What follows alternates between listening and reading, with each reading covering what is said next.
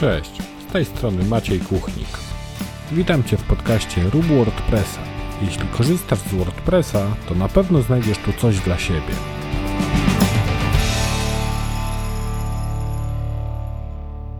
Cześć, witaj w podcaście Rób WordPressa. W tym odcinku gościem mojego podcastu będzie Kasia Janowska, która podzieli się z nami takimi cennymi informacjami na temat pracy zdalnej i WordPressa, Kasia od wielu lat pracuje w firmie On The Go Systems, gdzie e, obecnie zajmuje się tematami związanymi z użytecznością. Kasię możecie kojarzyć z WordCampów i myślę, że najlepszym opisem będzie tutaj kolorowa sukienka, czerwona szminka i szeroki uśmiech. Przynajmniej ja tak zapamiętałem Kasię z wszystkich konferencji, na jakich się z nią widziałem. Zanim przejdziemy do rozmowy, zapraszam Cię do polubienia mojego podcastu w aplikacjach podcastowych oraz do odwiedzenia mojego YouTube'a, gdzie dzielę się taką codzienną pracą z WordPressem w krótkich vlogach. A teraz zapraszam do rozmowy z Kasią Janowską. Cześć Kasia, dzięki, że znalazłaś czas, aby być gościem mojego podcastu. Na wstępie proszę przedstaw się i powiedz naszym słuchaczom, kim jesteś, czym się zajmujesz i co łączycie z WordPressem. Cześć, bardzo Ci dziękuję za zaproszenie do podcastu. E, jak już powiedziałeś, jestem Kasia. Nazywam się e, Kasia Janowska, bez W w środku, wszystkim muszę to powtarzać. E, jestem UX designerem, a przez 10 lat wcześniej byłam frontend developerem i pracuję z domu. I z tego pracowania z domu zrobiłam swoją poniekąd markę osobistą i prowadzę bloga pod adresem katarzynajanowska.pl i tam właśnie piszę o tym, jak pracować z domu, jak nie zdziczeć podczas pracy w domu. E, I mam na ten temat mnóstwo przemyśleń, bo pracuję już tak, no, z pięć lat będzie.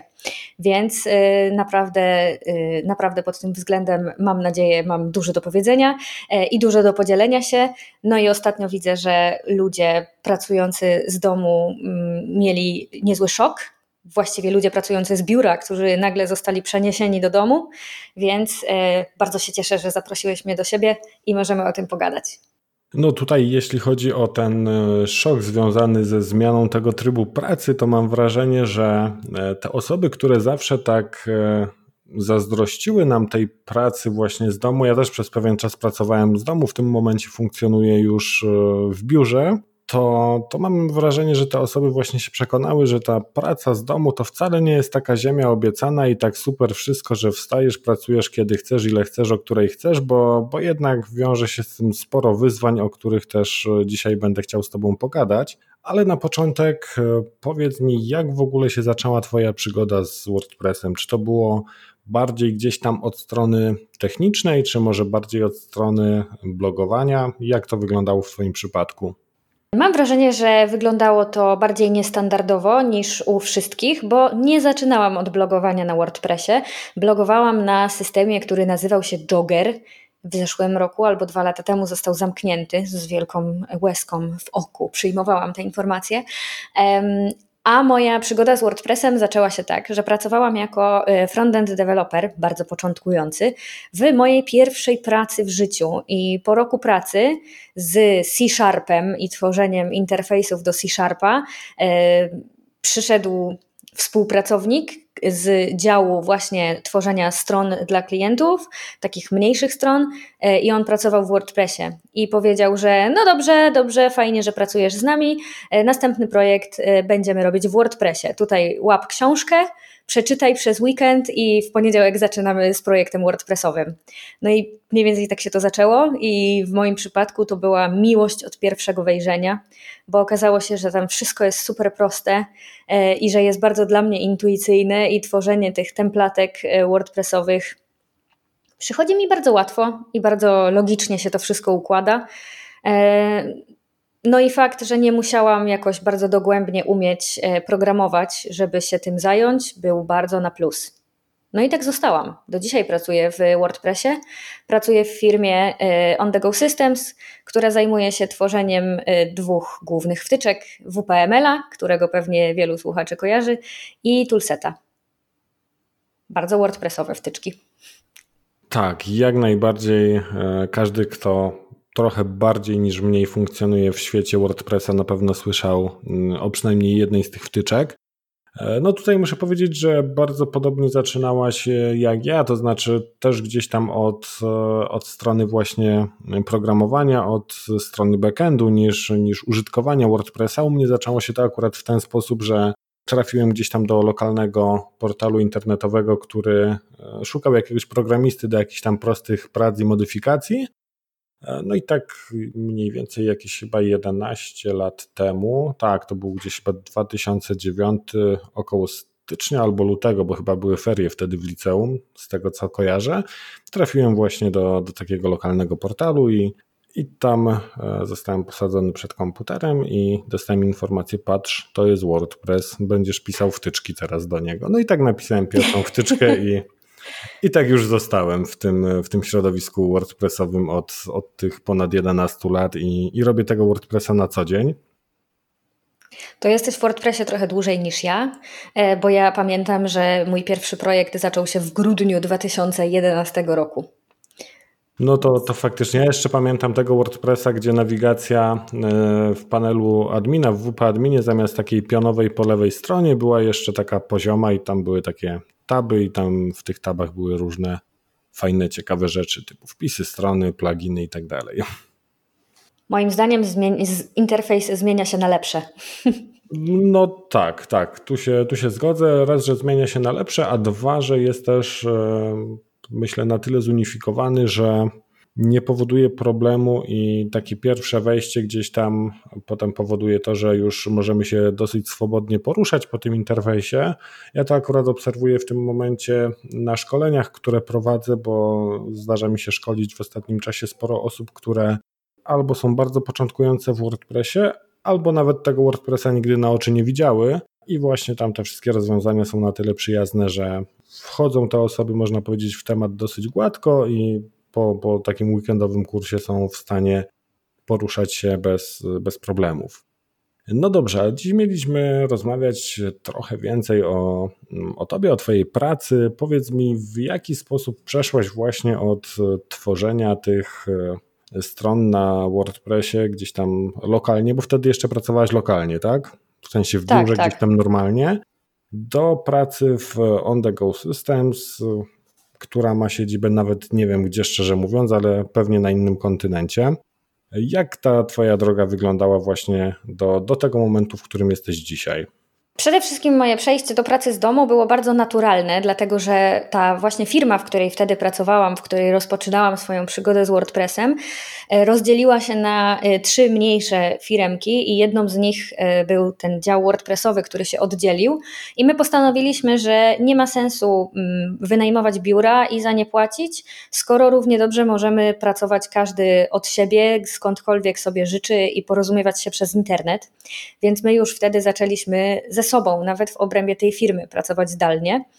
I później przeniosłam się na bycie freelancerem.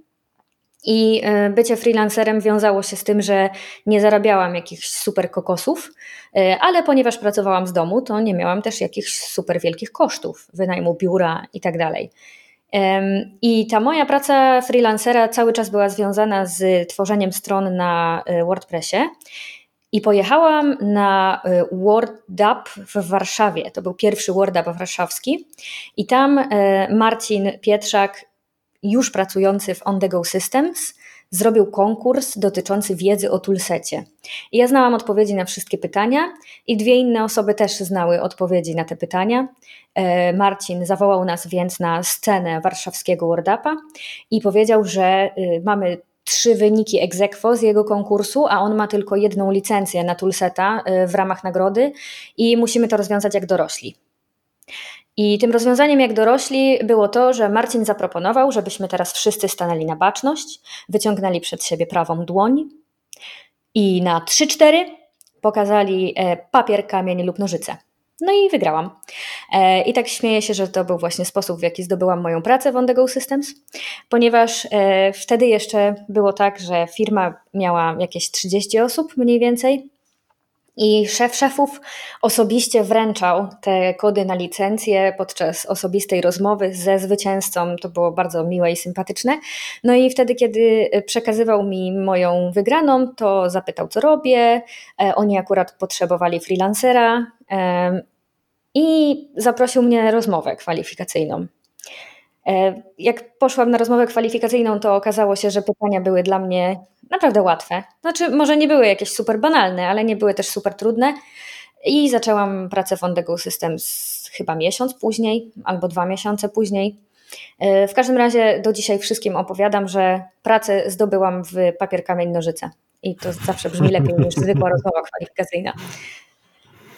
A y, gdzie firma ma siedzibę, E, i jak to się stało, że pracuje zdalnie? No, e, szef, który zakładał tą firmę, mm, kiedy ją zakładał, mieszkał w Argentynie i wyszedł dokładnie z takich samych założeń jak ja. Nie ma sensu ze swoimi współpracownikami porozumiewać się na żywo, kiedy mogą się porozumiewać przez internet.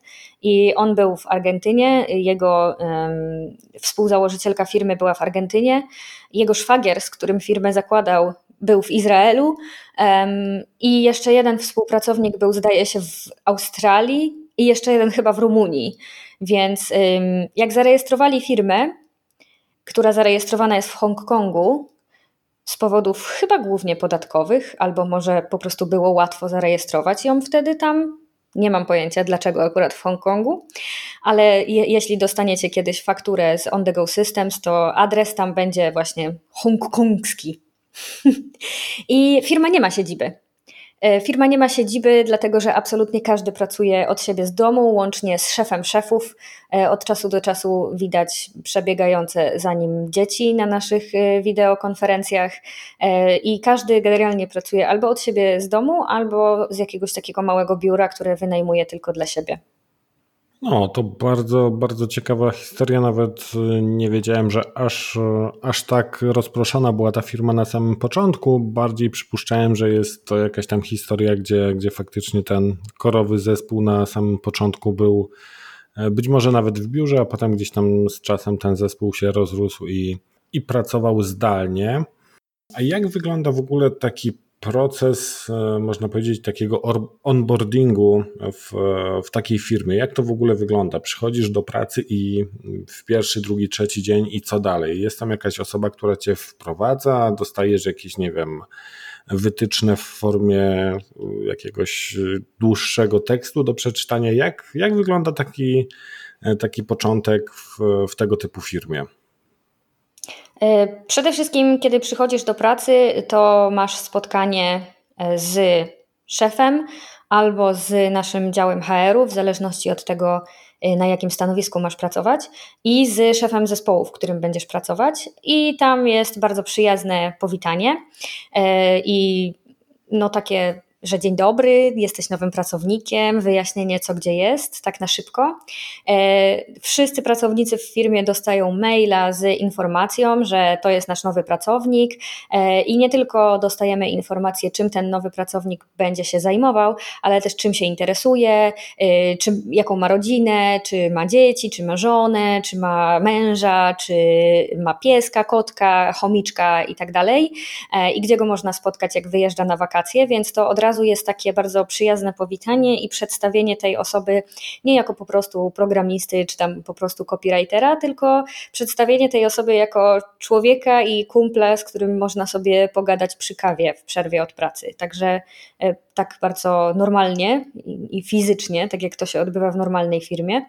A sama osoba, która przychodzi do pracy, trafia na szkolenie. Mamy mm, dwa zespoły, mm, znaczy dwa zespoły. Dwie osoby, które zajmują się y, szkoleniem tego pracownika, no i w zależności od tego, na jakie stanowisko ta osoba przychodzi, no to trafia do, do danej osoby na szkolenie, ale przede wszystkim każda nowa osoba uczy się o tym, jak działa firma, jakie mamy systemy komunikacji, y, uczy się wszystkiego o WPML-u, od strony użytkowej oczywiście, w sensie jak korzystać z tej wtyczki, to jest taki szybki kurs, jak korzystać ze wszystkich komponentów toolseta.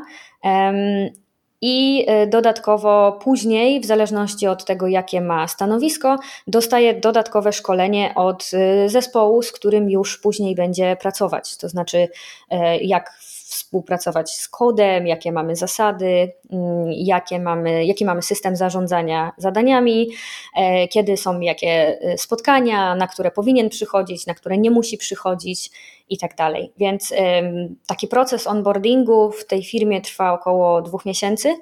E, oczywiście od razu ta osoba zaczyna, no może nie od razu, tak w drugim tygodniu zaczyna już e, zajmować się swoimi rzeczami, ale tak przez pierwsze dwa, trzy miesiące e, to jest e, osoba, którą się wszyscy zajmują i wiedzą, że to jest nowa osoba, i nawet jeśli zrobi coś głupiego albo nie dostarczy jakichś materiałów, nie zrobi zadania na czas, to mm, traktowana jest dość ulgowo, dlatego że mogła nie wiedzieć jak to zrobić. I, I, bardzo dbamy o to, żeby e, tłumaczyć do bólu, aż w końcu ta osoba zrobi to dobrze. I e, większość ludzi, którzy przychodzą do firmy e, i zostają w firmie po pierwszych trzech miesiącach pracy, e, mówi, że to był bardzo dobry proces e, onboardingu i że czują, że zostało im wszystko wytłumaczone i właśnie, że, że czują się zaopiekowane. I to jest super, dlatego że jak ja przychodziłam do tej pracy w 2014 roku, to jeszcze nie było tych szkoleń. I właśnie, tak jak mówisz, ja jeszcze wtedy dostałam po prostu zadanie: y, tu jest nasza dokumentacja, tu jest, tu jest nasz produkt, naucz się. A, a teraz już jest tak, że ta osoba ma przydzielonego mentora, y, ma przydzielone kursy i quizy z tych kursów na koniec, żeby była motywacja, żeby się nauczyć. Więc y, onboarding w firmie wyewoluował bardzo mocno. No, brzmi to bardzo fajnie, bardzo ciekawie. A powiedz mi, ile osób obecnie pracuje w OnTheGo? Około setki w tej chwili.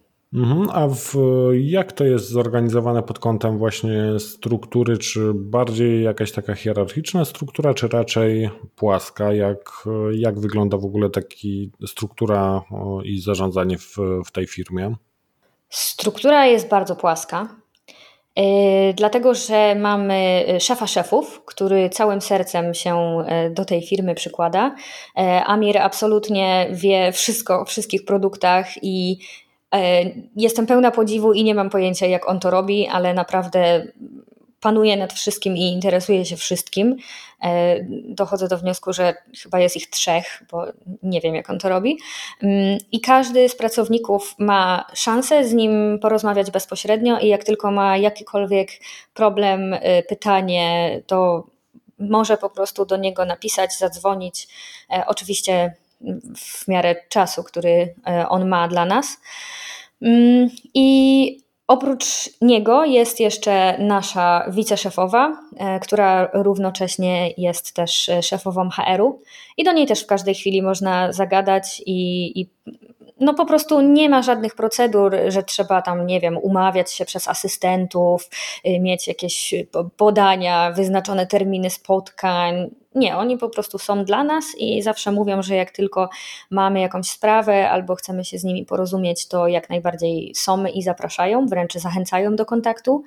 Mm, a jeśli chodzi o strukturę taką w pracy, to mamy zespoły, jest e, zespół e, odpowiedzialny za toolseta, jest zespół e, WPML-a, jest zespół tak zwany compatibility, który zajmuje się współpracą WPML-a z innymi wtyczkami, bo inne wtyczki i motywy mają ten taki znaczek, że są kompatybilne z WPML-em, no to właśnie ten zespół zajmuje się sprawdzaniem tego i pomaganiem twórcom i twórcom motywów i wtyczek e, dostosować się albo poprawić coś w tłumaczeniach swoich. Mm, no i mamy też dwa zespoły supportu dla każdego z produktów.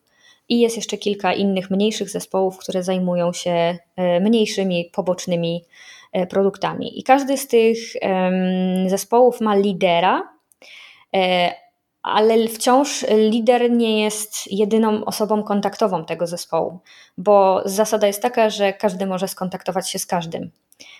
I nie tworzymy żadnych sztucznych barier. Każdy z nas jest w odległości jednej wiadomości na komunikatorze. Tego się trzymamy.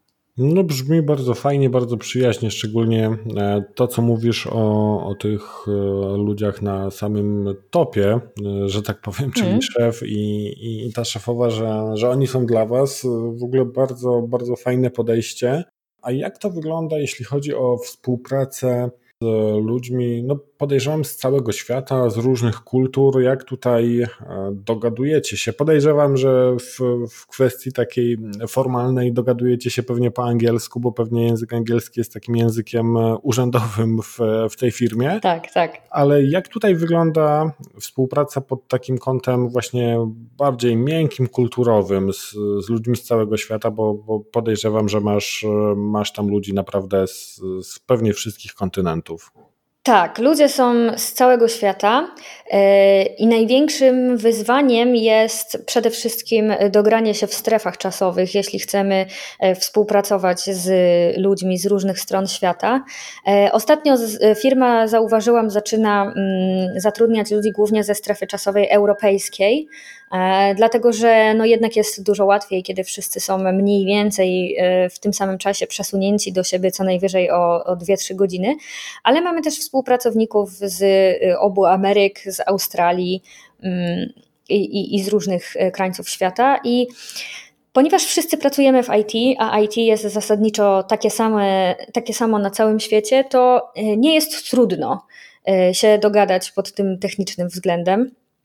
Ale faktycznie, jeśli chodzi o kulturowe zachowania, to trzeba mieć na uwadze, że tak pojadę trochę stereotypami, ale trzeba mieć na uwadze, że ludzie z Chin na przykład nigdy nie powiedzą, że coś jest niemożliwe. Mm, zawsze wszystko jest możliwe, e, tylko potem e, bardzo się starają i nie śpią w nocy, żeby dowieść to, co powiedzieli, że jest możliwe, więc e, trzeba mm, trzeba się pilnować, żeby nie, nie, nie wnosić za dużo ze swojej y, kultury do, do firmy pod tym względem. Mamy taki śmieszny podział, że zazwyczaj y, ludzie z Indii na przykład zgłaszają się na support.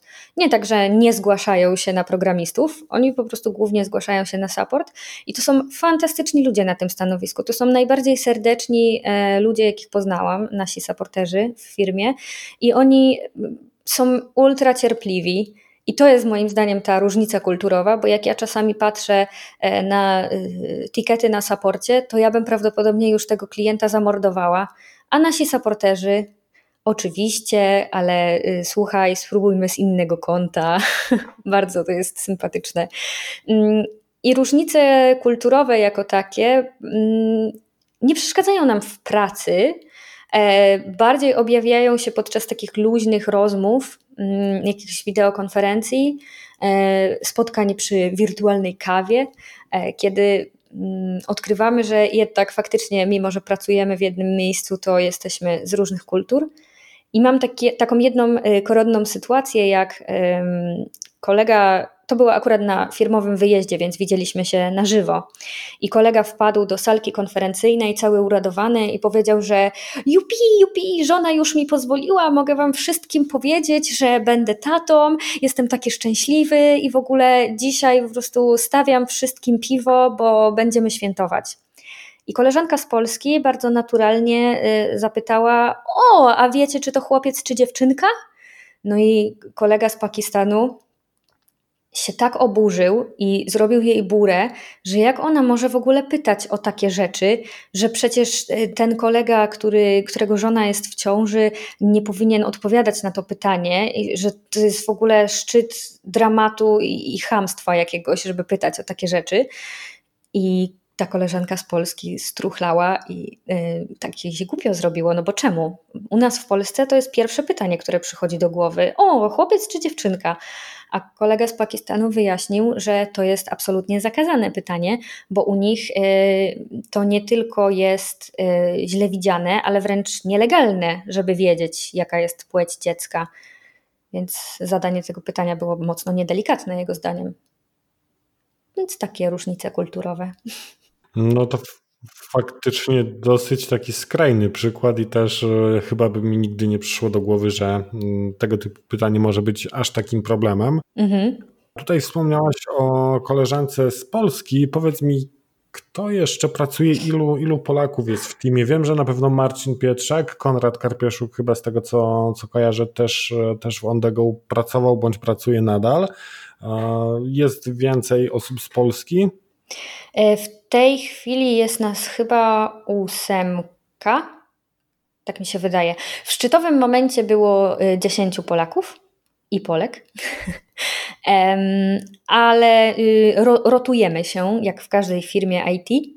E, aczkolwiek ta rotacja jest dość niewielka, jak porównuję z moimi znajomymi z korporacji, więc jest całkiem nieźle. W tej chwili mamy dwie dziewczyny, ja i Agnieszka Bury.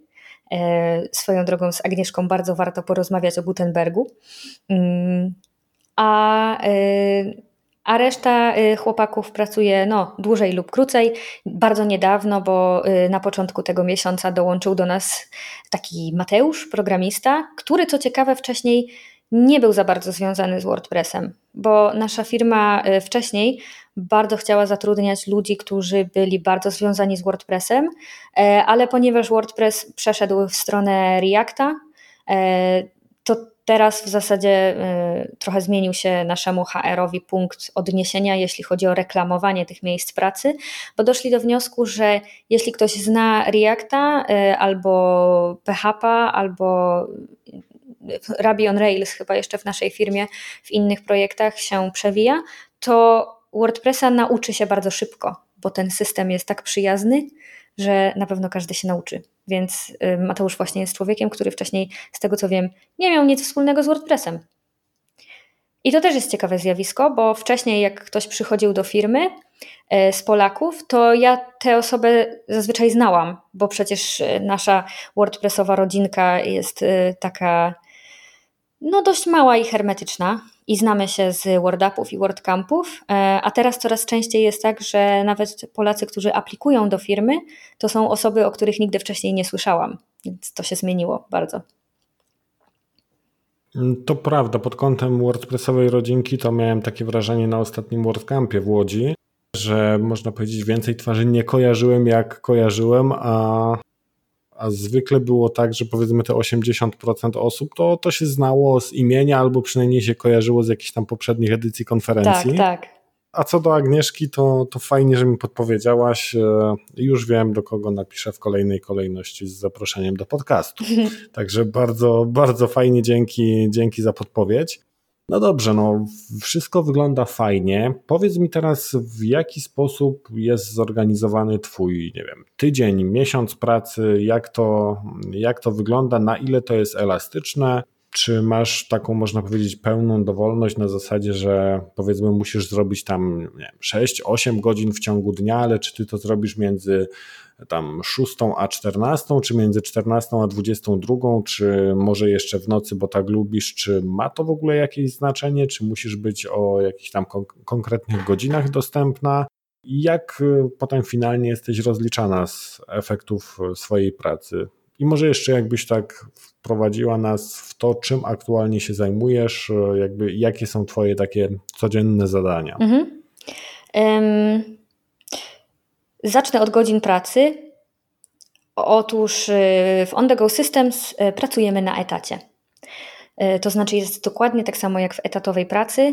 Ja na przykład pracuję od 8 do 17, E, można pracować od 7 e, do 16, można od 9 do 18, to już każdy ustala sobie. E, w każdym razie mm, ta, te godziny pracy są sztywne. E, przynajmniej w umowie zapisane są sztywne, ale wiadomo, że e, jak ktoś idzie do mechanika albo do sklepu, albo odebrać dziecko z przedszkola, albo coś takiego, no to bez problemu może to zrobić. Świat się absolutnie nie zawali, tylko po prostu później e, odpracowuje sobie te godziny. Przy czym warto wiedzieć, że w firmie, w której pracuję, to wszystko opiera się na zaufaniu. Nie mamy żadnego logera czasu, Nikt nikomu nie patrzy na ręce przez włączoną kamerkę, e, więc bardzo się staramy, żeby zatrudniać ludzi, którzy lubią to, co robią e, i którzy są prawdomówni, bo najgorszą rzeczą, jaką w tej firmie można zrobić, to skłamać na jakiś temat. To jest jeden z bardzo niewielu powodów, e, z których można wylecieć z tej roboty. właśnie kłamstwo. Więc jest bardzo luźno, bym powiedziała. To znaczy, nie to, że nie ma co robić, tylko po prostu nikt nie patrzy na ręce i, i generalnie wszystko opiera się na Y, zasadzie zaufania. A jak jestem rozliczana? Y, jestem rozliczana mm, w taki sposób, że po prostu jestem na każde zawołanie, tak jak na etacie. Mm, I to widać, czy ktoś pracował, czy nie. Bo mamy projekty y, co tydzień, co, co miesiąc, co, co, pół roku jakieś konkretne i co tydzień mamy mm, spotkania zespołów, takie podsumowujące tydzień. E, zespoły same w sobie dodatkowo mają jeszcze takie szybkie e, daily stand-upy, bo pracujemy w ogóle w bardzo e, agile'owym podejściu, więc są normalne poranne stand-upy, e, raz w tygodniu jest większe spotkanie i ja chodzę tylko na te spotkania raz w tygodniu. Dlatego, dlatego, że ja jestem y, pracownikiem mocno międzyzespołowym, bo ja jestem w tej firmie UX designerem, co oznacza, że generalnie pracuję ze wszystkimi zespołami oprócz supportu. Chociaż z supportem też współpracuję, bo od nich zbieram informacje na temat tego, e, co nie działa, czego, co mówią nasi klienci, e, jakie są główne problemy w ostatnim czasie, które trzeba by było rozwiązać e, i wspomóc jakoś tych naszych użytkowników. Także ja pracuję absolutnie ze wszystkimi zespołami i nie mogę sobie pozwolić na to, żeby być na daily stand-upach, bo wtedy prawdopodobnie całe moje dnie y, spędzałabym na daily stand-upach zamiast na pracy. Więc y, potrafię się spiknąć z zespołem raz w tygodniu i wtedy dowiedzieć się, y, na czym stoimy i jakie są, jaki jest status konkretnych zadań, które ja dla tego zespołu powinnam dowieść. E, jak wygląda mój dzień i za co mi płacą? E, płacą mi za to, że właśnie zbieram informacje od e, naszych supporterów i od researcherów, że takiego poważnego słowa użyję, na temat tego, jakie są problemy naszych klientów, które należałoby rozwiązać i jakie mamy plany na rozwój wtyczek, I jak już mam ten problem, y, to staram się odnaleźć rozwiązanie i rysuję różne rozwiązania, sprawdzam co działa, badam jak działa nasza konkurencja y, i w jaki sposób my możemy zrobić coś lepiej. Mm, I dostarczam y, mockupy, prototypy dla programistów, którzy następnie wdrażają to, co ja zaprojektowałam w międzyczasie współpracuję jeszcze z naszą grafik, która e, jest absolutnie genialna w tym, co robi i rozumiemy się bez słów. Już pracujemy ze sobą drugi albo trzeci rok. E, jestem zachwycona współpracą. W ogóle jestem zachwycona współpracą z naszymi zespołami. Jakoś tak się dotarliśmy przez te wszystkie lata pracy razem, że, że bardzo często jest tak, że już nawet nie potrzebujemy się jakoś szczególnie wylewnie komunikować, tylko wystarczy screenshot ze strzałką i ludzie już wiedzą, co mają robić. To jest super. E, ale to wynika właśnie z tego, że pracujemy w ścisłych godzinach, każdy z nas ma te godziny, które się zazębiają, i dzięki temu wiemy, że w każdej chwili możemy napisać do współpracownika e, naszego, ponieważ on właśnie wtedy będzie przy komputerze, bo to są jego godziny pracy. I nie ma tak, że ta osoba będzie siedzieć po nocach, a potem ja muszę się głowić, co też on tam naprodukował w ciągu tej nocy. E, ja mam pod ręką wszystkich ludzi, z którymi chcę się skomunikować. I właśnie dlatego mamy taki wymóg, żeby pracować w odpowiednich godzinach, żeby komunikacja była ułatwiona. Bo y, praca w taki sposób, że jedna osoba robi coś podczas swoich 8 godzin, a później kolejna osoba przychodzi i musi rozwiązywać supełki jego kodu, y, bo nie wiadomo, co się tam wydarzyło, to bardzo, bardzo spowalnia pracę i powoduje same problemy, więc y, szefostwo bardzo naciska, żeby pracować w godzinach swojej pracy. Aczkolwiek jest to dość elastyczne, bo no możemy mm, odpracowywać sobie w jakichś innych godzinach, kiedy coś się specjalnego wydarzyło. Na przykład dzisiaj rano kolega napisał maila, że wczoraj y, znalazł na spacerze małego pieska, dlatego dzisiaj będzie miał y, bardzo godziny pracy w kratkę, bo musi pójść na straż miejską i powiedzieć, że znalazł tego pieska i rozwiesić plakaty na mieście i to był jego powód pracowania w weekend zamiast dzisiaj. I rozumiem, że nikt z tym nie ma problemu. Nie, nie. E, bardziej pil pilnowani są nowi pracownicy, ci, którzy dopiero przyszli, bo oni muszą się dobrze wdrożyć e, w tryb pracy i jakby łatwiej jest sprawdzać, czy faktycznie poświęcają się pracy, czy oglądaniu Netflixa podczas dnia pracy, ale jak już się przejdzie przez e, ten okres próbny i już człowiek się sprawdzi, że wiadomo, że faktycznie pracuje, a nie przyszedł do pracy zdalnej, bo myśli, że wtedy przez 8 godzin można udawać, a nie pracować, to wtedy już jest luz. Okej, okay, a jeśli, no jeśli tutaj mówisz, że to jest taki etat albo prawie etat, to jak tu na przykład wygląda kwestia urlopu? Macie jakiś e, limit e, dni wolnych do wykorzystania, który jest jakby wliczany w, w wynagrodzenie? To znaczy, że Twoja pensja jest e, dokładnie taka, jak jakbyś pracowała cały miesiąc? Jak to wygląda od, od strony urlopów? Mhm.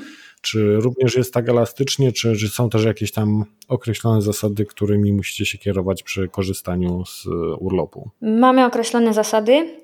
Mm, każdy ma wolne swoje święta. E, w sensie, mm, w zależności od tego, w jakim kraju mieszka, e, to obchodzi swoje święta tak jak wszyscy w tym kraju.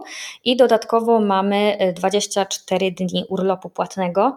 E, i możemy sobie go wykorzystać jak nam się podoba, e, aczkolwiek e, mamy też zasady brania tego urlopu. Jeżeli ten urlop jest dłuższy niż tydzień, no to trzeba miesiąc wcześniej się zadeklarować, kiedy ten urlop będzie. Jeżeli ten urlop jest jeszcze dłuższy, no to trzeba odpowiednio poinformować nie tylko nasz dział HR-u, ale też dać znać wszystkim ludziom w zespołach, z którymi się pracuje i poprosić znaczy poprosić, poinformować e, team lidera, że wtedy chcesz wziąć wolne. E, no i jeżeli nie ma jakichś super ważnych projektów, w których jesteś super kluczową osobą, no to bez problemu możesz ten urlop wziąć. A jeżeli właśnie na czas Twojego urlopu jest zaplanowany jakiś super wielki projekt, no to musisz jakoś przesunąć ten urlop. Mm, wiem, to znaczy. Hmm, Wieść gminna niesie, że istnieje coś takiego jak urlop e, niepłatny e, i można go wziąć, e, aczkolwiek nie przypominam sobie, żeby zbyt wielu ludzi korzystało z tej opcji, dlatego że te 24 dni plus święta to zazwyczaj już ludziom wystarcza. Mm, I z tego co wiem, jest kilku pracowników, było kilku pracowników, którzy brali sobie e, wolne tak na przykład na trzy miesiące albo na pół roku e, i wracali później do firmy bez problemu, bo wcześniej e, ustalali ten dłuższy okres z jakichkolwiek powodów. Przy czym te no, pół roku to już nie jest płatny urlop, ale te takie normalne dni wliczone, 24, to jest normalny płatny urlop.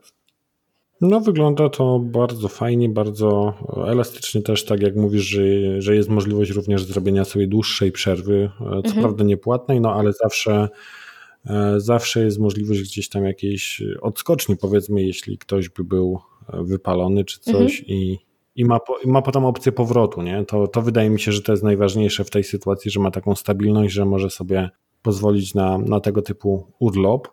A jak tutaj wygląda mm, współpraca pod kątem choćby komunikacji? Czy to jest e, komunikacja raczej taka synchroniczna, jakieś tam, nie wiem, wideokole na przykład, czy, czy bardziej asynchroniczna, czy głównie używacie maila, czy może posiłkujecie się jakimiś, e, nie wiem, systemami do zarządzania projektami? Jak tutaj pod, pod tym kątem e, pracuje się w on the go? Mhm. E, przede wszystkim korzystamy z Jutraka jako systemu do zarządzania zadaniami. E, tam mamy strukturę zadań bardzo e, agile'ową i bardzo hierarchiczną, które zadanie jest najważniejsze, które jest user story, które jest taskiem i tak dalej. Bardzo pilnujemy, żeby to było, mm, żeby to było jak najbardziej drobne, w sensie, żeby każde z zadań mógł, mogła skończyć jedna osoba i, i żeby było wiadomo, co tam zostało skończone. I zasada jest taka, że y, najpierw zakładamy główne zadanie, następnie dzielimy je na mniejsze y, user stories, te dzielimy na, na, na zadania konkretne i każde z konkretnych zadań y, ma swój odpowiadający kod albo swój odpowiadający produkt, który jest następnie sprawdzany przez innych e, programistów, albo w moim przypadku e, sprawdzany przez osoby, które też współpracują z klientami, albo są pomysłodawcami tej funkcji, którą miałam zrobić, e, a następnie są testowane. I kod programistyczny czy, czy tam frontendowy jest sprawdzany przez naszych testerów i przez zespół Quality Assurance, a moje rzeczy sprawdzane są przez naszych użytkowników, to znaczy organizuje testy z użytkownikami. I to jest asynchroniczna komunikacja, no bo w systemie do tasków każdy może napisać komentarz kiedy chce.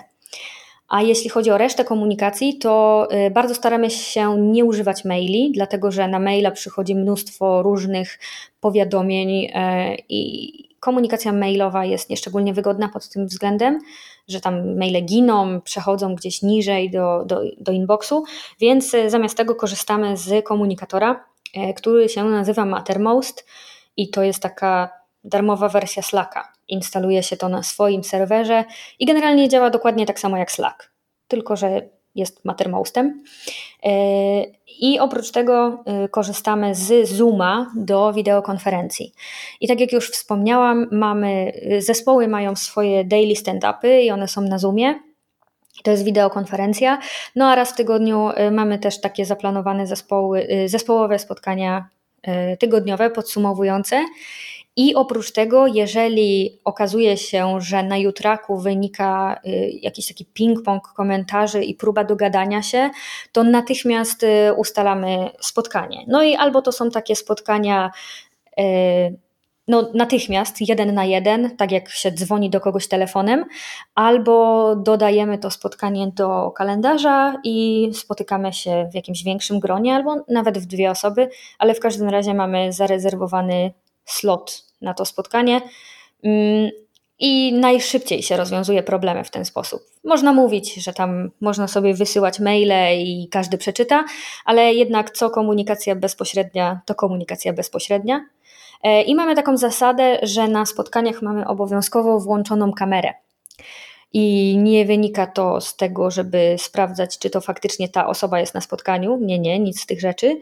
To chodzi o to, że komunikacja niewerbalna też jest ekstremalnie ważna i to, czy ktoś właśnie się uśmiecha, czy kiwa głową, czy podnosi paluszek, e, czy widać po jego minie, że kompletnie nie czai, co się do niego mówi, to bardzo pomaga w komunikacji. Więc jeśli e, komunikujecie się z kimś przez internet, to bardzo zachęcam do używania kamery I u nas w firmie nikt nie zwraca uwagi na to, czy ktoś jest uczesany, umalowany, czy za jego plecami biegają dzieci. To absolutnie nie jest ważne podczas takiej komunikacji, bo to nie jest prezentacja, to jest rozmowa.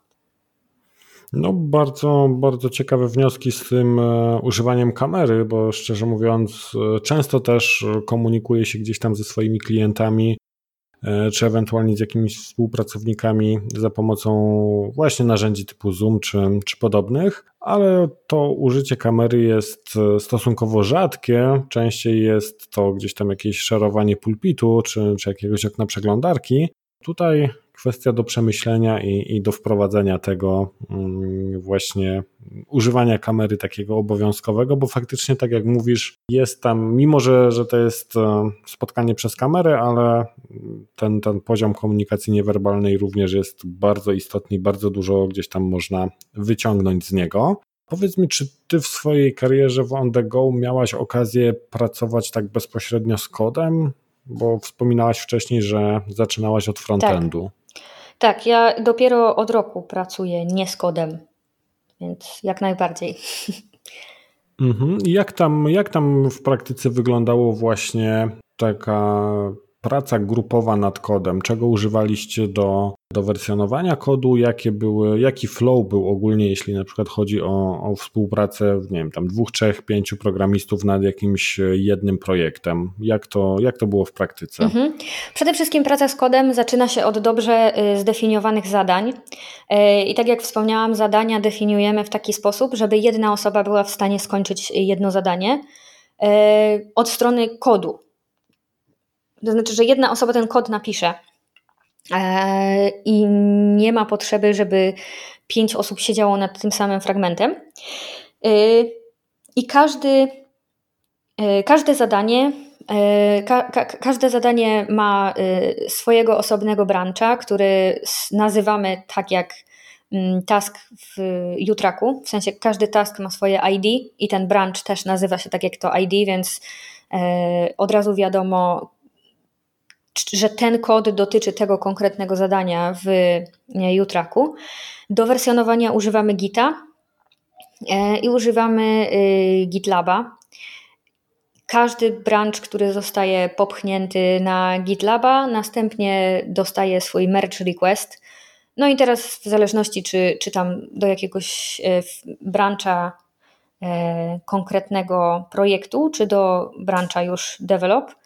Mm, I kiedy merge request wpływa, to y, co najmniej dwóch innych y, deweloperów musi sprawdzić ten kod i zatwierdzić, że nie ma tam żadnych głupot.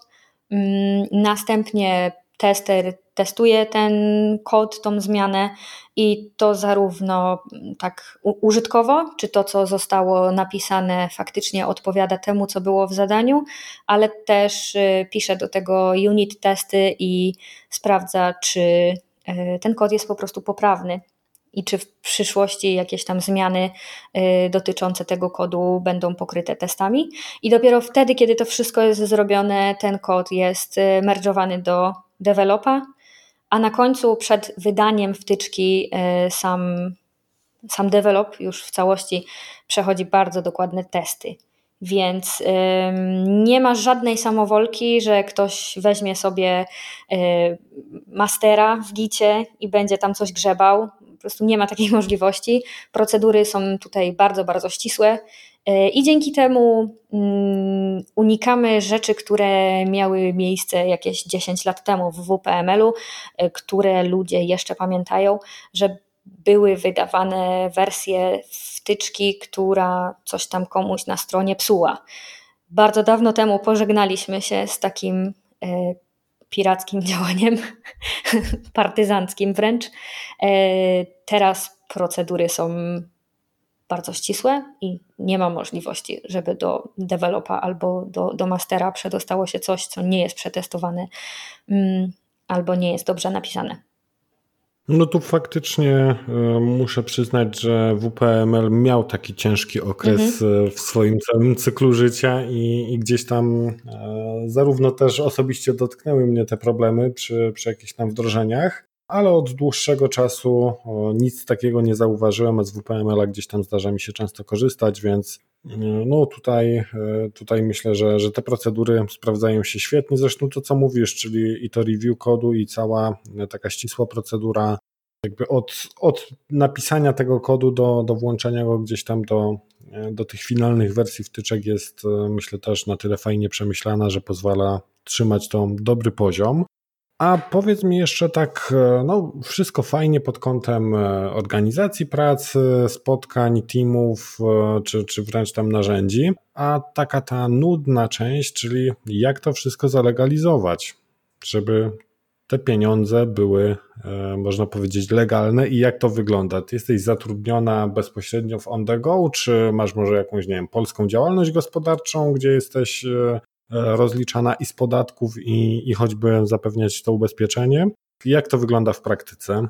W praktyce, w praktyce wygląda to tak, że w moim kontrakcie z On The Go Systems jest taki bardzo ważny punkt, który mówi, że ten pracownik e, przyrzeka całym swoim serduszkiem, że będzie żył w zgodzie z prawem swojego kraju. E, czyli to na mnie leży obowiązek płacenia podatków w moim kraju, jakiekolwiek by one miały nie być. I w pierwszym roku mojej działalności nie miałam założonej firmy, dlatego że dlatego że doradzono mi, że ponieważ firma ma siedzibę w Hongkongu, czyli znacząco poza Unią Europejską, to mogę skorzystać e, z czegoś, co miało się nazywać wpływem z zagranicy, i ja mogłam to rozliczać w moim picie na koniec roku w kategorii inne. E, ale płacenie podatku jeden raz w roku okazało się być e, przykrym doświadczeniem. Znaczy, żeby nie było, ja miałam kasę na ten podatek, ale jednak jak się tak nagle zobaczy cały podatek z całego roku, to nie jest to wesołe doświadczenie.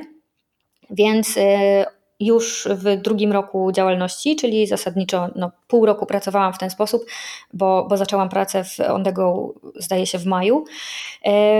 No to po tym pół roku po prostu założyłam działalność gospodarczą w Polsce i wystawiam co miesiąc y, faktury, które y, ode mnie on the go dostaje, aczkolwiek im na nich nie zależy za bardzo, bo oni opierają się głównie na naszym kontrakcie, w którym ja obiecuję, że będę pracować, a oni obiecują, że będą mi płacić. Więc y, pod tym względem to jest rozwiązane bardzo, bardzo prosto.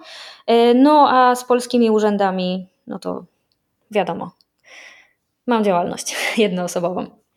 Miałaś jakieś takie, nie wiem, dziwne przypadki, na przykład z urzędem skarbowym, czy, czy, czy z, no w zasadzie chyba urząd skarbowy tutaj tylko ma coś do powiedzenia w tym temacie, nie wiem, musiałaś się gdzieś tam tłumaczyć jakiejś pani z urzędu, czemu akurat e, faktury do, do Hongkongu i skąd te pieniądze w ogóle pochodzą i skąd one się biorą, czy, mhm. czy raczej tak gładko wszystko przeszło? Nie, muszę powiedzieć, że wręcz przeciwnie.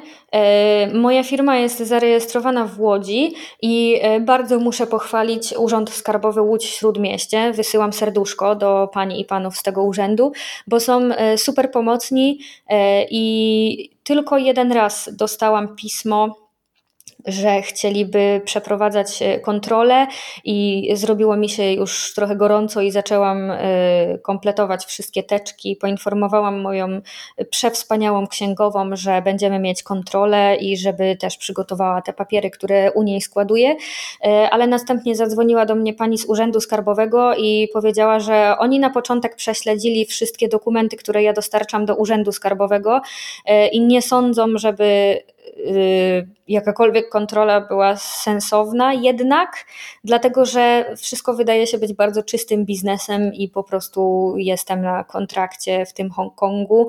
I jedyne co musiałam zrobić to napisać takie oświadczenie, że tak, mam kontrakt z nimi, i zdaje się, wysłałam może kopię tego kontraktu, nie pamiętam dokładnie, ale y, generalnie chodziło o to, żeby w mojej teczce w Urzędzie Skarbowym była bardzo wyraźna informacja, że ja na stałe współpracuję z tą firmą z Hongkongu i nie jest to nic podejrzanego ani żadna karuzela y, VAT-owa. I od tamtej pory y, Urząd Skarbowy już niczego ode mnie nie chciał i wszystko jest bardzo miłe i sympatyczne.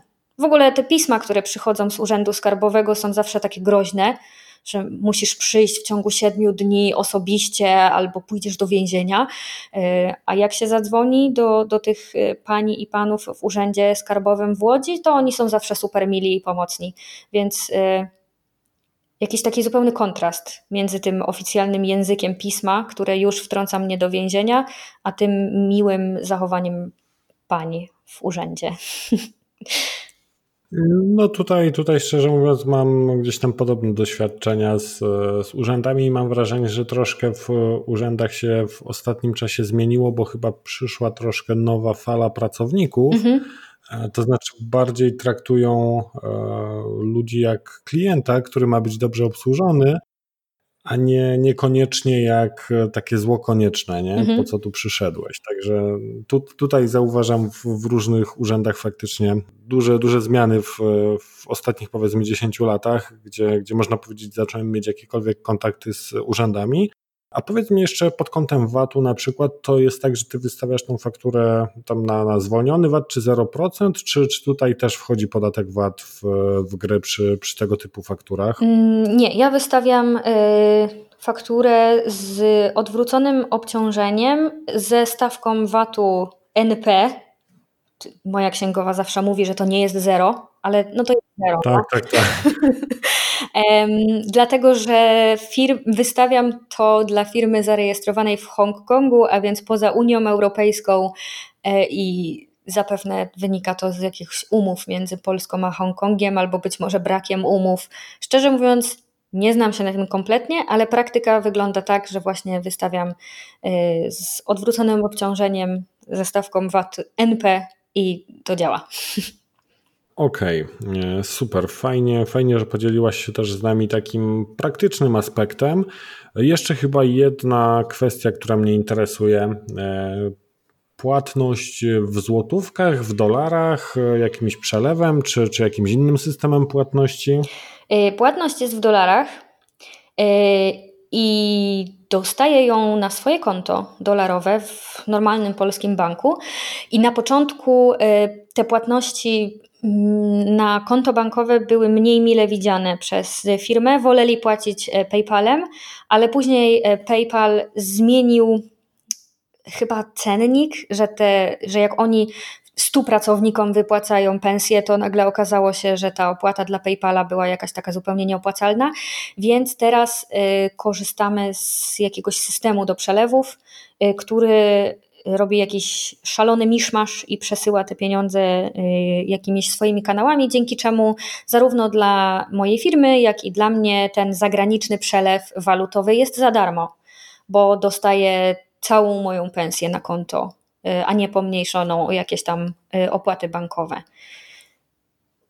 Ale niestety nie pamiętam, jak ten system się nazywa. Kasia, skoro już jesteśmy przy temacie związanym z finansami, jeśli możesz, to podziel się z nami mm, takim tematem, który na pewno zainteresuje wszystkich słuchaczy, czyli ile można zarobić, na ile, e, na ile może liczyć tam na przykład osoba, e, która przychodzi do, do on the go jako powiedzmy, nie wiem, programista, ile tam można zarabiać po jakimś tam czasie, czy jest jakiś progres y, właśnie w, w zarobkach, jeśli, jeśli weźmiemy pod uwagę na przykład staż pracy w, w tej firmie, jak to wygląda pod tym kątem? Mhm. Y, na to pytanie nie mogę odpowiedzieć bardzo konkretnie, dlatego że nie wiem. Y, nasze pensje są na pewno uzależnione od tego, na przykład, gdzie mieszkamy bo y, przykładowo pracownik, y, który pracuje, który pracuje ze Stanów Zjednoczonych, zapewne ma inną stawkę niż y, osoba, która pracuje z Ukrainy, i jeden i drugi jest równie zadowolony, tylko po prostu koszty życia są inne. Na pewno wiem, że w formularzu, kiedy się aplikuje o pracę w On The Go, jest miejsce na to, ile chcesz zarabiać. I ja, kiedy przychodziłam do pracy, dostałam radę, żebym wpisała tam taką kwotę, że na pewno będę szczęśliwa, jak będę tyle zarabiać. No i tak też zrobiłam. Nie dostałam dokładnie tej kwoty. Myślę, że to jest bardzo istotne, że ja nie dostałam dokładnie tej kwoty, którą wpisałam, dostałam mniej, ale nie był to argument przeciwko temu, żeby mnie zatrudnić. To znaczy, e, ludzie e, odpowiedzialni za zatrudnianie ludzi w on the go potrafią negocjować. E, I potrafią negocjować zarówno w dół, jak i w górę. I to jest super istotne właśnie przy tej progresji, o której wspominasz, bo jestem przekonana, że programista w on the go jest w stanie bez problemu zarobić e, tyle, co w jakiejś super firmie, w super korporacji w Polsce. E, I dodatkowo, jeśli się sprawdza, jeśli jest dla firmy przydatny i jeżeli w tej pracy mu się podoba, to co jakiś czas mamy rozmowy z naszym działem HR-u i nie jest tak jak w korporacji, że łatwiej jest co dwa lata zmieniać pracę niż wynegocjować sobie podwyżkę.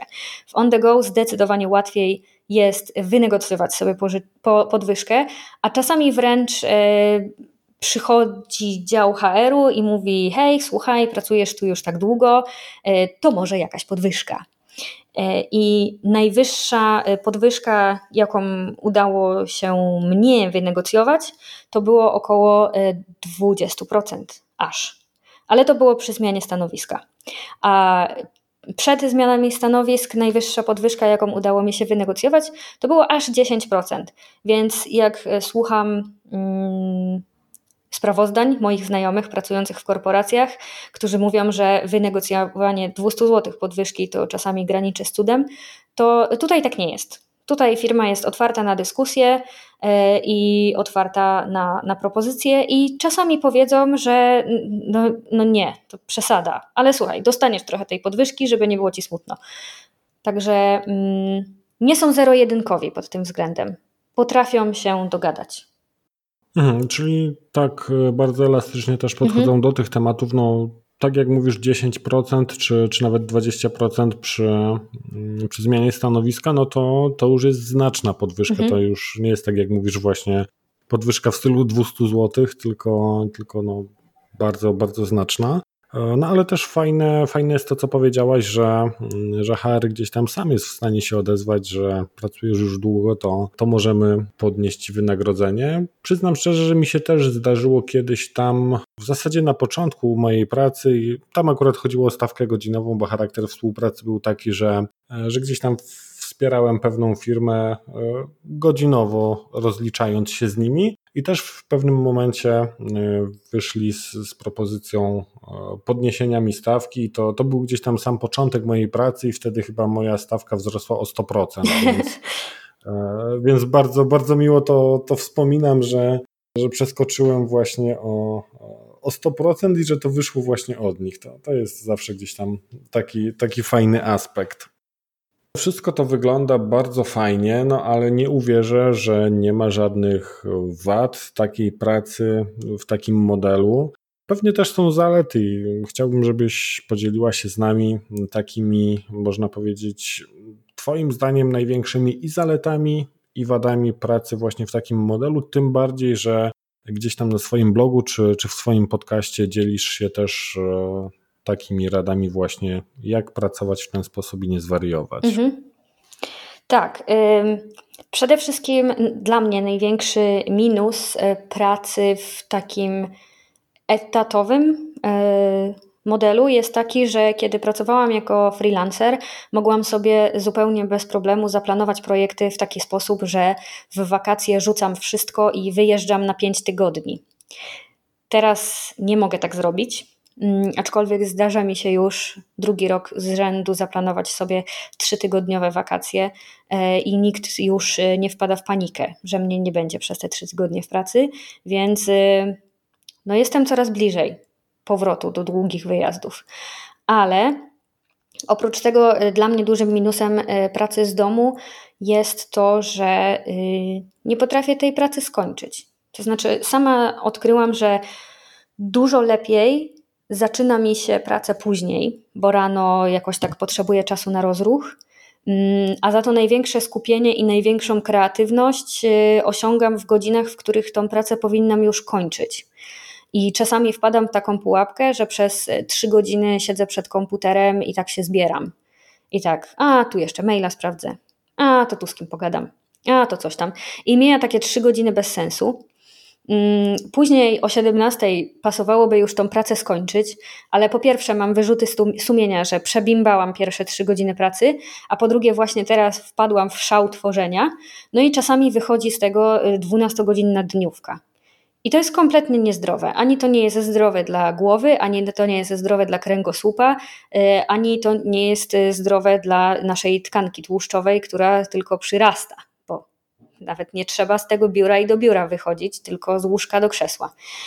I to jest coś, czego szalenie nie polecam. Mm, dlatego y, szukam cały czas y, szeregu mm, sposobów na to, żeby kończyć pracę o takiej godzinie, o jakiej powinnam kończyć i zaczynać mniej więcej chociaż o tej godzinie, o której powinnam zaczynać. Y, I są takie rzeczy, o których już wspomniałam, że na przykład w pracy z domu człowiek ma bardzo mało ruchu, bo normalnie jak się pracuje w biurze, no to rano trzeba wstać, trzeba się ubrać, y, trzeba pójść do tego biura albo pojechać na rowerze. No niektórzy jeżdżą samochodem, no ale to i tak trzeba przynajmniej do samochodu dojść. Y, później po drodze może jakieś zakupy, a może po drodze jeszcze, nie wiem, na kawę się pójdzie, na lody, to już jest jakiś ruch. A w pracy z domu naturalnego ruchu nie ma wcale bo zakupy można zamówić przez internet. Y, z łóżka do krzesła jest w porywach 15 kroków, z biurka do lodówki jest kolejne 10 kroków w porywach. No i jak za zakładasz sobie urządzenie mierzące liczbę kroków w ciągu dnia, to czasami wychodzi ich 1500 nie, nie 15 tysięcy, 1500. E, więc e, osoba pracująca z domu musi sobie uświadomić, e, że aktywność fizyczna to jest kolejna rzecz, którą trzeba zaplanować, bo inaczej się przyrośnie do krzesła. I to jest jeden z minusów pracy z domu, mało ruchu. Mm, inny minus pracy z domu to to, że naprawdę trzeba sobie zorganizować miejsce do pracy samemu. I to, to nie jest tak, że można pracować e, z łóżka albo przy stoliku kawowym, e, albo nawet w kuchni przy stole. To jest e, zupełnie nieergonomiczne i po jakimś czasie wszystko wysiada. Kolana wysiadają, nadgarstki wysiadają, a kręgosłup to już nawet nie ma co wspominać. Więc trzeba sobie uświadomić, że ci spece od BHP w biurowcach i te podręczniki do ergonomii to nie są y, tylko puste frazesy. To jest coś, o co trzeba zadbać i przy dłuższej pracy z domu naprawdę warto sobie zorganizować prawdziwe biuro, y, nawet jeżeli ma to być tylko biurko w dużym pokoju, ale wciąż to musi być miejsce, w którym głowa wie, że pracuje, w którym jest dobre oświetlenie, y, dobra wysokość biurka, dobre krzesło, albo piłka, albo krękosiad. Tak. Jest bardzo dużo rzeczy, o których trzeba myśleć w pracy z domu, o których w ogóle nie myśli się w biurze. No tu zdecydowanie się zgodzę, bo e, teraz przez, e, przez całą tą sytuację koronawirusową miałem też taki moment, gdzie byłem zmuszony pracować e, z domu. Mhm. Teraz na szczęście się to już zmieniło i, i funkcjonuje w biurze normalnie. Natomiast no, to było bardzo, bardzo ciężkie, bo po pierwsze e, w domu z dziećmi, no to praca jest jakimś ekstremalnym przeżyciem, a, a, poza, poza tym jest trochę tak jak mówisz, że ciężko oddzielić właśnie ten moment e, pracy i, i też gdzieś tam się skupić i przestawić głowę właśnie na, na ten tryb jestem teraz w pracy, nie?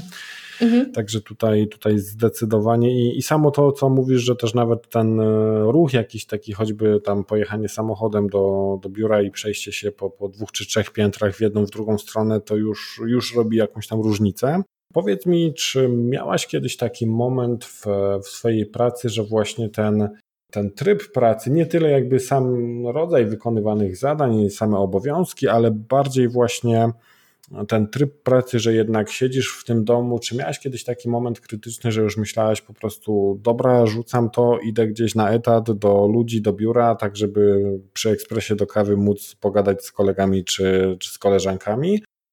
Czy raczej e, było to tak, że, że radzisz sobie przez te wszystkie lata bardzo dobrze i nie miałaś nigdy takiego jakiegoś kryzysowego momentu? Wszyscy się zawsze dziwią, ale odpowiem tak jak zawsze.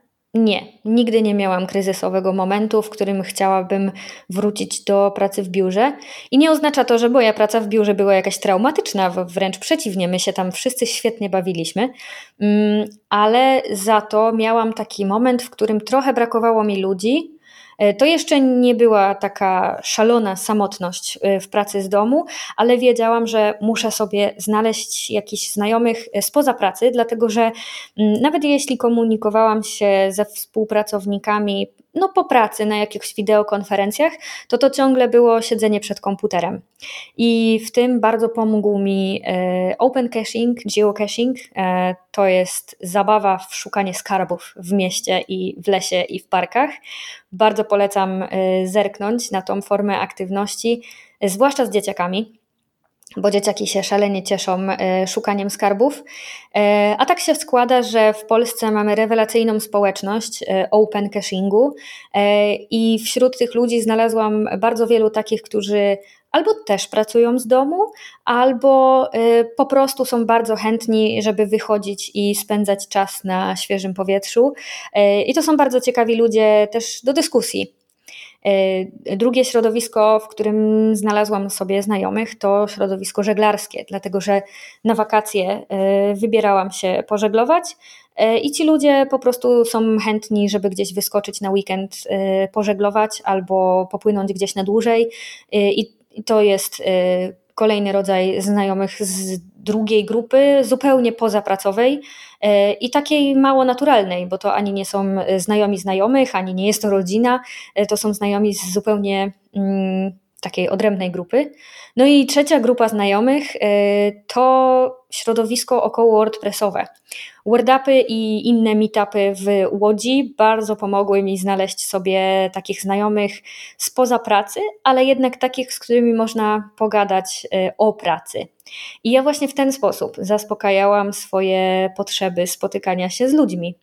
I pamiętam, że kiedyś e, na WordUpie w Łodzi Kacper Szarek miał wystąpienie o samotności e, w pracy z domu i on mówił, że jest momentami już tak samotny w tej pracy z domu, że wychodzi do sklepu tylko po to, żeby pogadać z kasjerką, e, żeby odezwać się do drugiego człowieka. Mm, I pamiętam, że po tym spotkaniu e, wordapowym spotkaliśmy się na afterparty przy piwku i jedna koleżanka powiedziała, że ona się w pełni utożsamia z tym, co e, Kacper powiedział, bo ona ma tak samo. Ona wychodzi z psem na spacer i zagaduje do ludzi w windzie, jest tym creepem na osiedlu. Inna powiedziała, że no, odkąd zmieniła charakter pracy, no to też nie jest szczególnie dobrze, bo tak tylko siedzi ze swoim e, facetem i tak gapią się na siebie przez pół dnia. I e, wtedy rzuciłam, że no to hej, skoro wszyscy, wszystkie jesteśmy takie samotne, to spotykajmy się na kawę. I od tamtej pory, a trwa to już e, ponad dwa lata, regularnie spotykamy się na kawę.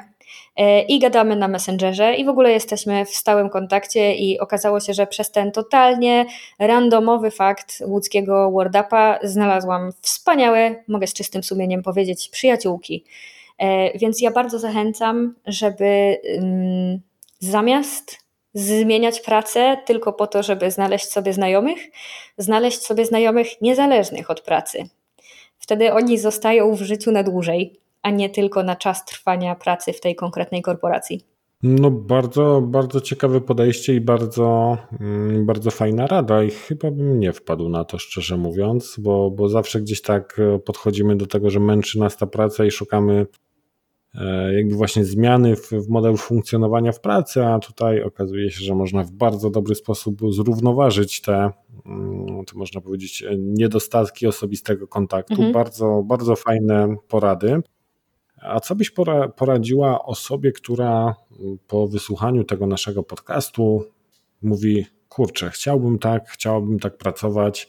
Jakie kroki Twoim zdaniem taka osoba powinna wykonać? Jak zacząć, jak aplikować?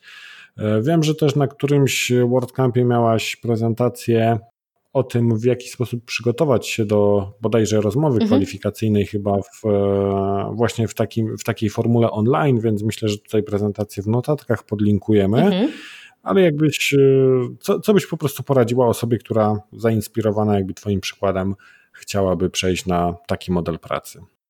Przede wszystkim zakładam, że ta osoba już gdzieś pracuje, a teraz e, jak nigdy wcześniej mamy świetne, e, świetną pozycję negocjacyjną do wynegocjowania pracy z domu. E, I proponuję na samym początku, zanim rzuci pracę na etacie i, i pójdzie do pracy z domu, poprosić swojego szefa na przykład o tydzień pracy z domu i zobaczyć, jak się pracuje. Albo chociaż trzy dni, przy czym takie prawdziwe trzy dni pracy z domu. To znaczy nie takie, jak bardzo często ludzie wykorzystują e, te home office e, biurowe na to, że ma przyjechać hydraulik ma, y, dziecko jest chore i nie ma co z nim zrobić, więc trzeba pracować z domu, albo y, czekają na kuriera, albo mają właśnie remont łazienki i z tego powodu muszą pracować z domu. Y, I wtedy w statystykach y, korporacyjnych okazuje się, że pracownik na home office jest zupełnie niewydajny. No, jak ma być wydajny, jak on nie pracuje, tylko gada z hydraulikiem? Więc naprawdę polecałabym na samym początku, wziąć sobie kilka dni tej pracy z domu i popracować tak naprawdę. E, to znaczy przygotować sobie swoje miejsce do pracy, swoje biurko, e, nie robić w tym czasie prania, tylko faktycznie pracować i zobaczyć, czy to jest model, w którym ta osoba jest w stanie w ogóle pracować i czy to się serio podoba, czy jest tylko takim, uu, jakbym pracował z domu, to bym cały dzień oglądał YouTube'a. Bo to nie o to chodzi praca jest pracą, a to w jakim miejscu się ją wykonuje jest zupełnie mniej istotne. Więc fajnie byłoby na samym początku przestać mylić e, obijanie się z pracą. I jeżeli ta osoba już jest przekonana, że okej, okay, to chodzi o to, że chcę pracować z domu, albo z jakiegoś swojego małego biura, a nie z open space'a, no to um, przede wszystkim poszukać sobie firm, które pracują zdalnie i ja bardzo polecam poszukać firm, które naprawdę pracują zdalnie. To znaczy nie tak, że jesteśmy my z biura i oni ci freelancerzy, co tam dochodzą albo pracują zdalnie, tylko tak, żeby naprawdę firma miała pracę zdalną wbudowaną w swoją strukturę. I na temat e, takich firm zrobiłam e, wpis na blogu i całą listę firm, które w Polsce WordPressowo zatrudniają zdalnie, albo też nie WordPressowo zatrudniają zdalnie, i też e, zagranicznych takich firm i kilku portali z ogłoszeniami. Więc ja bardzo zapraszam do tej listy. Tak się hamsko poreklamuję, ale mam nadzieję, że udostępnimy link do tej listy, dlatego że myślę, że to jest naprawdę bardzo e, pomocne miejsce do rozpoczęcia poszukiwań i tam można się przeklikać przez wszystkie te strony i zobaczyć, jakie kto ma oferty pracy. E, no i pierwszym krokiem jest oczywiście wysłanie e, CV, czegoś w rodzaju listu motywacyjnego mm, i to jest bardzo ważne. Jeżeli na stronie tej, tego aplikowania jest napisane napisz coś o sobie, e, to to jest list motywacyjny tak naprawdę. E, to nie jest takie tam hi, I am Sam i, i to już, tylko tam to jest właśnie to miejsce, w którym trzeba się wyrazić i powiedzieć, dlaczego to ty jesteś osobą na to miejsce. I to jest tak samo ważne jak w pracy bezpośredniej, ale to bardzo często jest jedyne pole w tym formularzu, które dział HR sprawdza na samym początku. To znaczy, zanim oni przejdą do studiowania CV, to najpewniej najpierw przeczytają, jakim ta osoba jest człowiekiem i co, jak entuzjastycznie podchodzi do tego stanowiska i czy to jest kopiuj wklej do tego o mnie, czy to jest coś konkretnego y, związanego z tym, jak ty pomożesz tej firmie, co ta firma zyska tym, że ty tam przyjdziesz. A ludzie bardzo często olewają to pole, a to jest najważniejsze pole w formularzu aplikacji o pracę. CV jest na drugim miejscu. E, no i kolejna rzecz, jak już przychodzi się na e, spotkanie online, do, do pracy online, to, to naprawdę warto mm, przygotować się technicznie, pokazać, że jest się zdolnym do tej pracy z domu, że ma się działający mikrofon, działającą kamerę, że ma się za sobą neutralne tło. To niby są pierdoły, zwłaszcza y, programistom wydaje się, że jak są świetnymi programistami, to już nic innego nie jest potrzebne. Y, ale to, w jaki sposób się komunikujemy, następnie rzutuje na całą pracę w firmie, a w firmie zdalnej komunikacja jest jeszcze ważniejsza niż w firmie na żywo.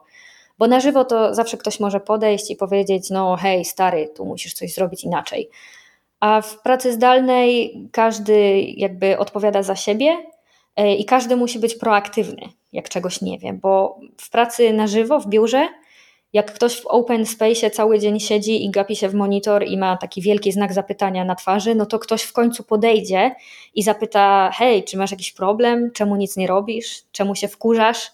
E, nie wiem, czemu krzyczysz na swój monitor, bo to też wszyscy będą słyszeć. No a w pracy zdalnej, e, w pracy z domu ta frustracja zostaje tylko z tobą. Więc umiejętności komunikacji i zakomunikowania również tego, że coś cię frustruje, że coś ci nie działa, jest bardzo ważne. I to już e, pracownicy HR-u wyłapują podczas pierwszej rozmowy, że człowiek jest komunikatywny, że jest w stanie zadawać pytania, jak tylko czegoś nie rozumie, że informuje o każdej frustracji y, związanej z y, czystą rozmową, czystą pracą, czy z poszukiwaniem informacji. Mm, I myślę, że właśnie przedstawienie swoich umiejętności komunikacyjnych jest dużo ważniejsze niż przedstawienie swoich umiejętności technicznych na takich rozmowach. No, to taka najważniejsza rada. Linki jak najbardziej oczywiście wrzucimy. Linki, wszelkie linki, o których e, mówiła Kasia, znajdziecie w notatkach do tego podcastu pod adresem maciejkuchnik.pl łamany na 039. E, tutaj dałaś nam sporo takich fajnych rad, jak właśnie, w jaki sposób podejść do tego procesu i, i jak aplikować. A może jest e, coś, co byś odradzała, to znaczy, nie wiem, może komuś byś odradzała taki rodzaj pracy, jeśli masz jakieś takie obserwacje, że mm, powiedzmy widzisz, że ta osoba w tym modelu nie będzie mogła funkcjonować? Jeśli mogłabyś się podzielić też mm, takim, takimi radami na zasadzie, komu byś odradziła taki model? Bardzo odradziłabym taki model osobom, które myślą, że praca z domu y, to jest oglądanie telewizji przez cały dzień, y, albo że praca z domu to jest. Y, że można sobie siedzieć na plaży, w piaseczku, pod palemką i tam coś stuknąć od czasu do czasu na tej klawiaturze, bo to tak wygląda tylko na obrazkach. To jest normalna praca, I te wszystkie obrazki siedzącego cyfrowego nomady pod palemką to jest tylko Instagram. A, a, a, życie wygląda trochę inaczej, więc warto sobie to przemyśleć. Czy w tej pracy z domu ciągnie cię to, żeby nie marnować czasu na dojazdy mm, i żeby komunika komunikować się z ludźmi tylko wtedy, kiedy naprawdę tego potrzebujesz, bo na przykład przeszkadza ci ten biurowy zgiełk, E, i nie możesz się wtedy skupić? Czy chcesz pracować z domu, dlatego że wydaje ci się, że to będzie lżejsza praca, albo że to będzie bardziej romantyczna praca w takich plażowych e, warunkach? Bo to są mity na temat pracy z domu.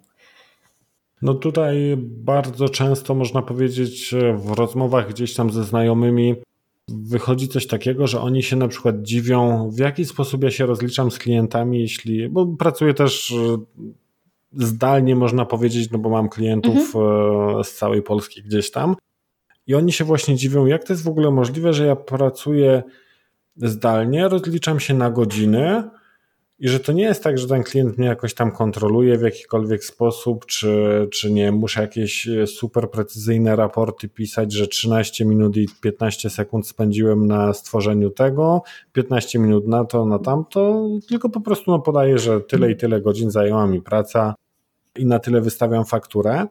No to ja zawsze tutaj podaję taki prosty przykład, że przecież dużo, dużo łatwiej można się obijać w biurze przy komputerze. No bo jaki mhm. problem jest siedzieć 8 godzin w biurze i udawać zajętego i, i być zajętym na przykład wszystkim, tylko nie pracą. Tak. Natomiast e, w pracy zdalnej przychodzi ten etap weryfikacji. Albo robota jest zrobiona, albo nie jest zrobiona, nie? I tu jest, e, i tu jest myślę też e, to, o czym wiele osób, które nie pracowały nigdy w ten sposób zapomina, że, że to właśnie nie jest tak, jak, jak ty mówisz, że to jest taka praca zdalna właśnie z, z różnych wpisów, poradników czy czegoś tam, gdzie jest zwykle zwizualizowana jakimś tam ogrodem, słoneczkiem, kanapą, laptopem na kolanach i, i w ogóle mhm. ziemia obiecana. Nie? Tak. Kasia, na koniec y, ostatnie albo przedostatnie pytanie, które zadaję wszystkim swoim gościom. Podziel się z nami takim jakimś e, powiedzmy błędem, jaki popełniłaś przy pracy z WordPressem. Może być to jakiś największy, najdziwniejszy, może najśmieszniejszy błąd, bo wszyscy gdzieś tam lubimy się chwalić historiami sukcesu, a mało się mówi o, o błędach, o jakichś tam porażkach. Chciałbym, żebyś e, podzieliła się z nami jakimś takim błędem, który najbardziej zapadł Ci w pamięć i który miałaś okazję popełnić gdzieś tam w, w, przez te wszystkie lata pracy z WordPressem. Mhm. E, mam dwa takie błędy. Jeden z nich jest typowym błędem WordPressowym, który zakładam jest dość typowy dla początkujących ludzi z WordPressem, a drugi jest y, największym błędem popełnionym w komunikacji z klientem. E, ten pierwszy to y, klasyka gatunku pod tytułem e, mm, Zespół młodych programistów dopiero rozpoczynających pracę z WordPressem wpada na genialny pomysł, żeby y, zmienić kod źródłowy, wtyczki albo motywu.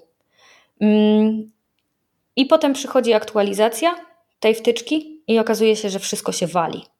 Więc y, myślę, że to był absolutnie największy błąd i przypłaciliśmy to przebudową połowy serwisu e, i bardzo dużą złością klienta, że po aktualizacji, która wyświetliła mu się w panelu, nagle pół biznesu przestało mu działać. Także drodzy początkujący WordPressowcy, pamiętajcie, absolutnie przenigdy pod żadnym pozorem. Nie edytujcie Cora WordPressa, y, pliku źródłowego wtyczki, jeżeli to nie wy jesteście oryginalnym autorem tej wtyczki, ani źródłowych y, plików motywu, jeśli to nie wy jesteście autorem tego motywu, to zawsze, absolutnie zawsze prowadzi do katastrofy. Nawet jeśli wydaje się, że ten kod PHP jest jasny, e, a wręcz nawet wydaje się, że jest źle napisany. Jeśli jest źle napisany, to piszesz do autora i on to poprawia, a nie ty, bo to zawsze się kończy katastrofą.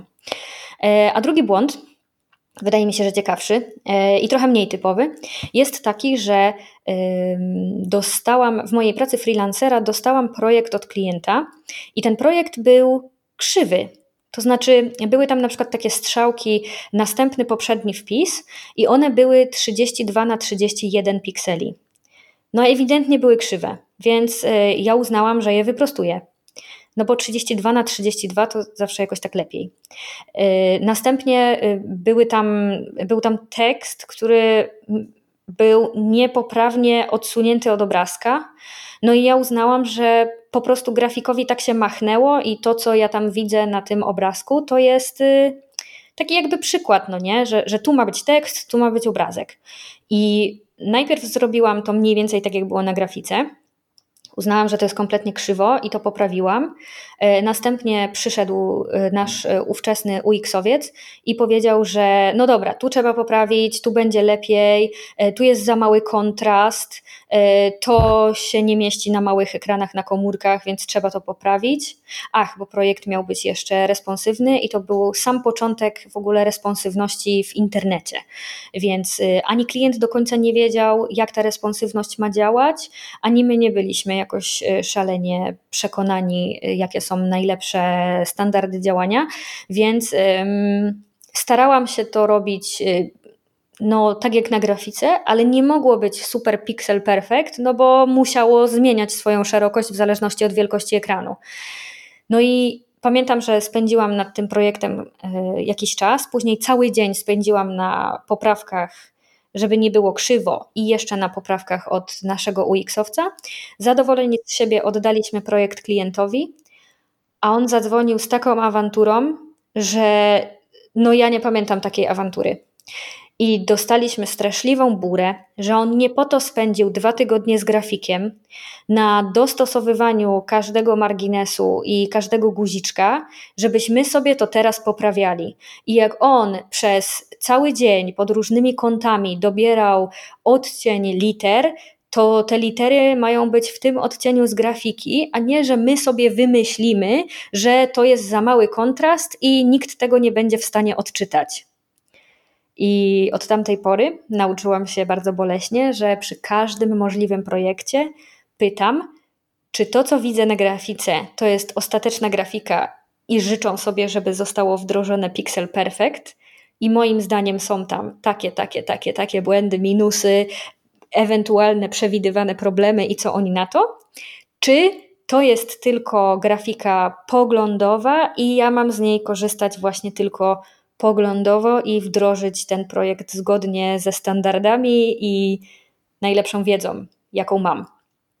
Także y, jeżeli jesteście freelancerami albo współpracujecie z klientami, to bardzo zachęcam y, podwójną komunikację i upewnianie się na wszystkie sposoby, co klient ma na myśli tym projektem. No, bardzo ciekawa historia, szczególnie ta, e, ta druga. Podejrzewam, że jeśli klient tak wszystko dopieszczał osobiście, to mm, grafik był bardzo, bardzo szczęśliwy. Aha. Jeśli musiał robić milion, milion dziwnych poprawek, typu właśnie e, jeszcze takich poprawek, które tak naprawdę psują projekt, i to też jest gdzieś tam e, częsty problem, że klient paradoksalnie zgłaszając się do specjalisty chce być mądrzejszy od niego. No ale już e, to, to już takie uroki chyba całej naszej branży, gdzie wszystkim się wydaje, że co to za problem zrobić stronę i że przecież oni wiedzą lepiej, nie? Mhm. Kasia, dzięki wielkie za udział w podcaście, za poświęcony czas. Na koniec proszę powiedz jeszcze, gdzie Cię można znaleźć, zarówno w internecie, jak i w realu. Ja bardzo, bardzo zapraszam do siebie do internetu na stronę katarzynajanoska.pl i do podcastu Jak nie zdziczeć w domu. Tam właśnie mówię o pracy z domu, o problemach, poradach, e, moich osobistych e, failach i sukcesach, e, a na żywo E, bardzo chętnie spotkam się na wszelkich e, WordUpach i WordCampach, bo od 2012 e, roku nie opuściłam ani jednego WordCampa w Polsce. I mam nadzieję, że tak zostanie. W tym roku mamy małą WordCampową przerwę, bo koronawirus, ale w następnych latach mam nadzieję WordCampy znowu będą się odbywać i bardzo chętnie się z Wami spotkam i pogadam. Kasia, dzięki jeszcze raz i do usłyszenia w kolejnych podcastach. Bardzo Ci dziękuję za zaproszenie i za świetną rozmowę. Pa!